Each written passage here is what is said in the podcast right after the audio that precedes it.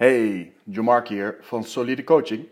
En vandaag wil ik het met je over hebben, het onderwerp uh, wat ik vaak voorbij zie komen op social media. Um, specifiek uh, voedingsbegeleiders, coaches, uh, lifestyle coaches die gaan praten over voeding. En dat de nummer één reden is waarom zij niet afvallen, de cliënten die niet kunnen afvallen. En dat is dat zij simpelweg meer moeten gaan eten. Nou, als iemand zo'n uitspraak maakt, dan uh, zie ik al uh, water in de fik staan. En uh, daar moet ik toch even over inspringen. Uh, de misconcepties daaromheen, um, wat ze daarbij proberen te verkopen en wat nou eigenlijk de waarheid is bij zo'n uitspraak. Um, mijn mening over dat soort uitspraken is dat coaches daar hele goede context om moeten geven. En dat komt omdat de meeste mensen, um, misschien heb jij daar zelf ook een mening over, niet daadwerkelijk weten wat er nou eigenlijk gebeurt in het lichaam wanneer wij proberen af te vallen. Um, daar kunnen we het hebben over fundamentele uh, principes die daarbij horen. Wat ik daarmee bedoel is dat uh, om in staat te zijn om af te kunnen vallen, moeten wij dagelijks een calorietekort creëren Waarbij, uh, als voorbeeld, uh, je besteedt uh, 200 euro dagelijks en je budget is 100 euro. Nou, dat betekent dus dat je 100 euro in het rood staat, want je besteedt 100 euro meer dan dat je kunt dagelijks. En daardoor sta jij 100 euro in het rood. Die 100 euro in het rood moeten we ergens vandaan halen. Dus die 100 euro die halen we uit onze reserves. En dat is eigenlijk hetzelfde, zo zou je het kunnen zien um, met afvallen. Wanneer wij een uh, te groot uh, tekort creëren dan dat we dagelijks binnenkrijgen. Uh, bijvoorbeeld, je, krijgt, je verbruikt 200, 2000 calorieën, maar je krijgt maar 1500 calorieën binnen. Dat betekent dat ons lichaam ergens die 500 calorieën vandaan moet halen om die energie op te kunnen wekken. En dan moeten we ook in reserves gaan tasten. En ja, zoals je al raadt, dat komt dus uit onze vetreserves om uh, het dagelijks leven mogelijk te maken. Om de energie te kunnen leveren voor de bewegingen die we maken. En dat is een beetje tegenstrijdig ten opzichte van het principe van je moet meer eten om te kunnen afvallen. En daar wil ik wat licht over schijnen, uh, opschijnen, omdat ik denk dat mensen dat anders gaan interpreteren. En dat knaagt een beetje aan me. En en, maar aan de andere kant is het ook ontzettend sexy en ontzettend verleidend om daarop in te gaan. En te zeggen van, kan ik meer eten dan ik nu doe en afvallen zelfs? Meer afvallen dan dat ik voorheen deed? Nou, dat is natuurlijk gewoon muziek in je oren. Dat wil natuurlijk iedereen. Maar laten we eens beginnen bij het uh, terugblikken naar onze oerinstinct. Als we echt gaan kijken van, hey, hoe ging dat nou vroeger in de prehistorie?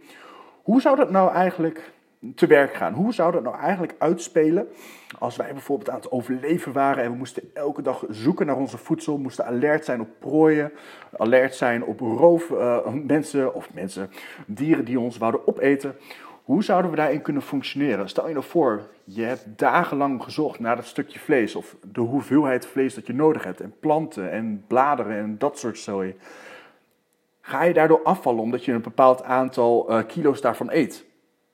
Wat eigenlijk heel inefficiënt is, want eten is schaars. En ons lichaam is ontzettend inefficiënt als daardoor bijvoorbeeld onze metabolisme, ook wel stofwisseling, harder gaat werken. Dat zou ontzettend tegenproductief zijn.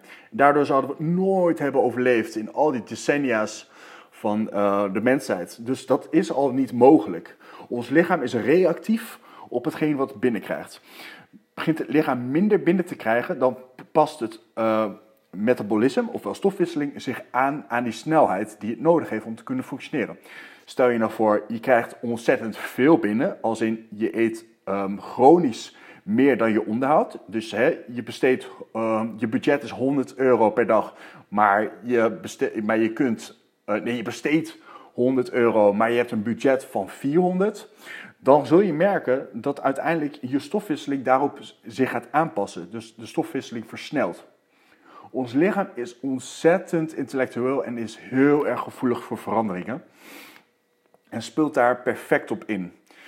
Dus wanneer we meer eten, past het uh, metabolisme zich aan, uh, krijg je minder binnen, past het metabolisme zich aan daarop.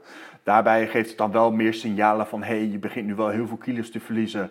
Het lichaam merkt van: hey, um, ik wil niet dat je gaat uh, verhongeren, dat je uiteindelijk dood zal gaan. Want dat is de enige functie van het lichaam, is om simpelweg te overleven. En die wil je verschillende seintjes geven, zoals honger. Die maakt daarvoor het hormoon ghreline aan. En daarbij motiveert het je om meer te gaan eten. Uh, meerdere percepties worden versneld of uh, scherper gesteld, zoals je reuk, uh, observatievermogen en ehm, verlaagt jouw dagelijkse activiteit. Dus je bent wat minder bewegelijk, je, um, je sekshormoon wordt wat minder gereguleerd. Dit allemaal om simpelweg meer energie te besparen, om zich aan te passen aan de omstandigheden. Nou, dat is een heel uh, lul verhaal erachteraan, achter, waar we nou eigenlijk over hebben. En dat is dus het meer eten om af te kunnen vallen.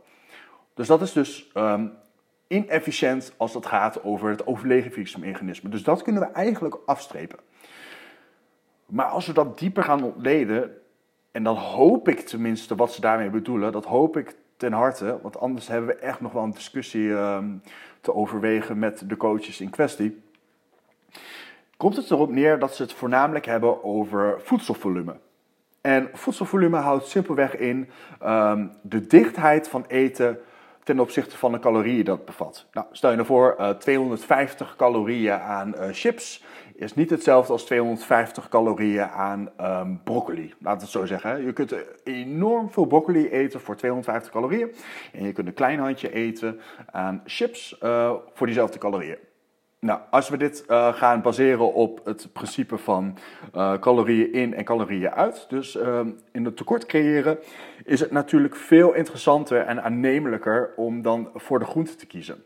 Want dat verhoogt het voedselvolume. En voedselvolume blijkt uit studies dat het een van de fundamentele principes zijn, of tenminste methodes, om succesvol te kunnen afvallen. En voedselvolume kan in heel veel vormen. Uh, dat bevat voornamelijk vanuit uh, groentes, uh, fruit, maar ook verschillende andere luchtige, ja, dat, dat klassificeer ik dan, luchtige producten. Dus als je een snack wil hebben wat veel voedselvolume bevat, denk dan bijvoorbeeld aan popcorn of zoiets dergelijks. Dat zijn meestal wel goede snacks om je maag goed te vullen en om het um, haalbaar te maken om op de lange termijn te kunnen diëten. Want um, door de voedselvolume kun je dus uiteindelijk voor dezelfde calorieën meer voed, uh, eten eten als het ware qua consumptie. Wat betekent dat je maag sneller dat punt bereikt wanneer het een signaal kan afgeven aan de hersens dat het verzadigd is. Want de volume heeft een bepaalde tolerantie bereikt. Wat misschien anders zou zijn als je uh, voedsel zou eten met een laag volume. Dan heb je veel meer van die kwantiteit nodig van dat product om datzelfde effect te halen qua verzadiging. En dat is een beetje het uitgangspunt, denk ik, van die titels wanneer die claims worden gemaakt. Het is niet zozeer dat je meer um, hamburgers kunt eten. Het is niet zozeer dat je meer calorieën moet consumeren. Het is simpelweg het manipuleren van uh, productkeuzes, zodat je uiteindelijk meer kunt eten, maar waarbij de calorieën gelijk blijven, of misschien iets verlaagd zijn om in dat calorietekort te komen. En dat is wel iets wat ik tijdens mijn begeleiding bij iedereen probeer toe te passen. Hoe kunnen we de voedselvolume terwijl de calorieën omlaag gaan behouden? Kunnen we gaandeweg voedselvolume misschien zelfs verhogen wanneer we last beginnen te krijgen van een hongergevoel? Natuurlijk is een hongergevoel um, niet te vermijden. Dat zul je tegenkomen in de loop van een dieet, afhankelijk natuurlijk van hoe ver je wilt gaan en wat je streefgewicht zal zijn, wat je einddoel is. Maar we kunnen dat heel veel managen door middel van voedselvolume. En um, als we dat een, in praktische tips moeten uh, toevoegen, is het een heel makkelijk dingetje door bijvoorbeeld te kijken naar je huidige eetpatroon. Waar zitten voornamelijk de koolhydraten? En uh, ik wil voornamelijk al direct benadrukken dat koolhydraten niet de duivel zijn. Dat is niet zozeer het punt. Alleen de eerste variabel waar we aan willen werken is het verlagen van de koolhydraten, omdat we eiwitten zo hoog mogelijk willen hebben. Eiwitten hebben de functie dat het uh, zorgt voor een enorme verzadiging. Eiwitten kunnen krijgen uit uh, vlees, vis, uh, zuivelproducten en bepaalde bonen. Daar, die bevatten meestal enorm veel eiwitten en dat helpt bij het verzadigen van je lichaam. Maar natuurlijk ook van het fit houden van je lichaam, het uh, herstelproces tijdens een harde workout. Dus dat, daar willen we eigenlijk niet aankomen. Vetten zijn meestal iets waar we ook mee kunnen spelen. Maar als je een relatief neutraal dieet hebt, wat niet te veel uh, leeft van junkfood, zullen de vetten wel redelijk in het midden liggen. Wat meestal een goed punt is voor hormoonshuishouding. Maar koolhydraten is meestal de grootste variabele waar we mee kunnen werken.